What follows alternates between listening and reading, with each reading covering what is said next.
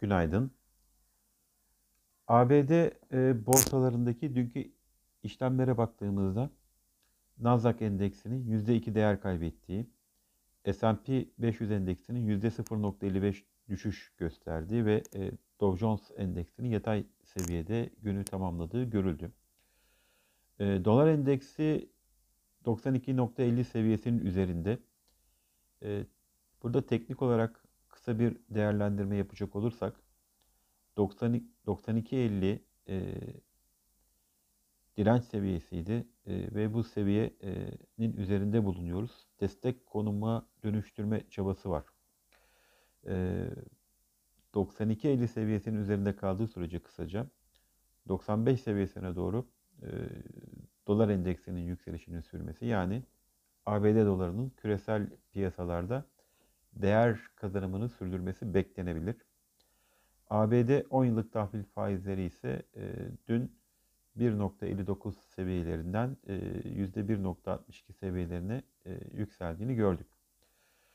FED Başkanı Powell'ın Senato'daki e, sunumu vardı. E, bu sunum sonrasında e, gelen sorulara e, vermiş olduğu e, yanıtlar da var. E, artan tahvil faizlerine ilişkin e, soruya, gelen soruya vermiş olduğu cevapta e, faizlerdeki artışın e, aşılama e, ve e, büyüme hakkındaki haberlere yanıt olduğunu, e, daha yüksek büyüme, daha yüksek enflasyon, Covid-19 salgınından düşük vakalar e, gerekçe olduğunu ve iyileşen ekonomik görünüm hissi olduğunu söyledi.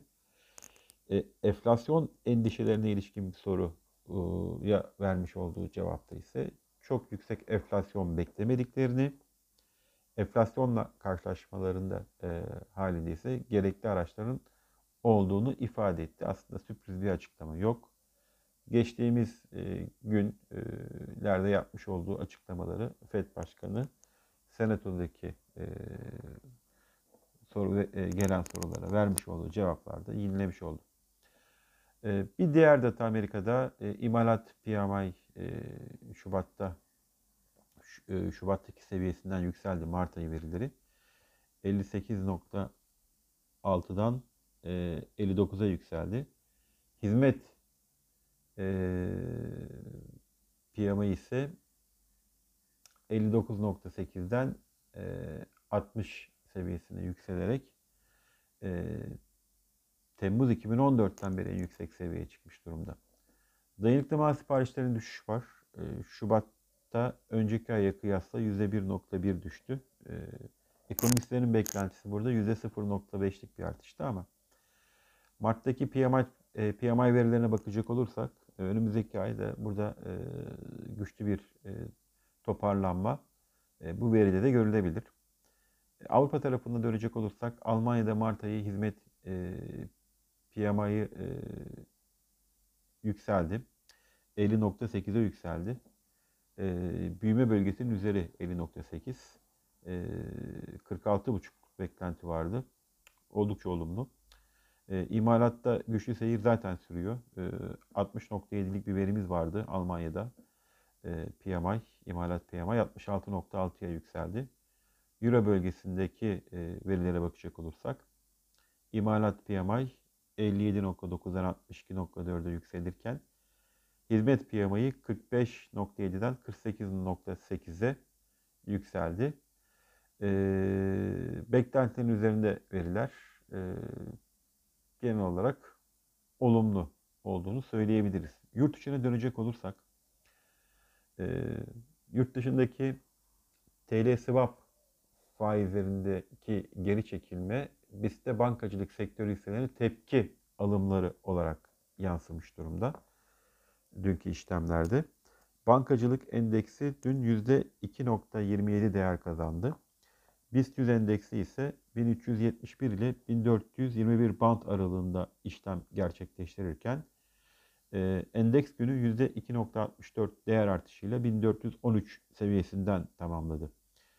BIST'te teknik olarak 1390 destek seviyesi üzerinde tepki yükselişleri sürebilir. Evet buradaki destek noktamız 1390. 100 günlük harekette ortalamanın bulunduğu 1450 ise direnç seviyesi olarak izlenebilir.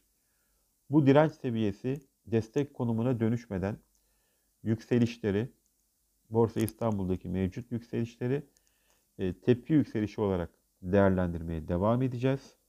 Ve e, teknik olarak mevcut görünümde işlem aralığının 1300-1450 geniş bant aralığında e, devam etmesi beklenebilir.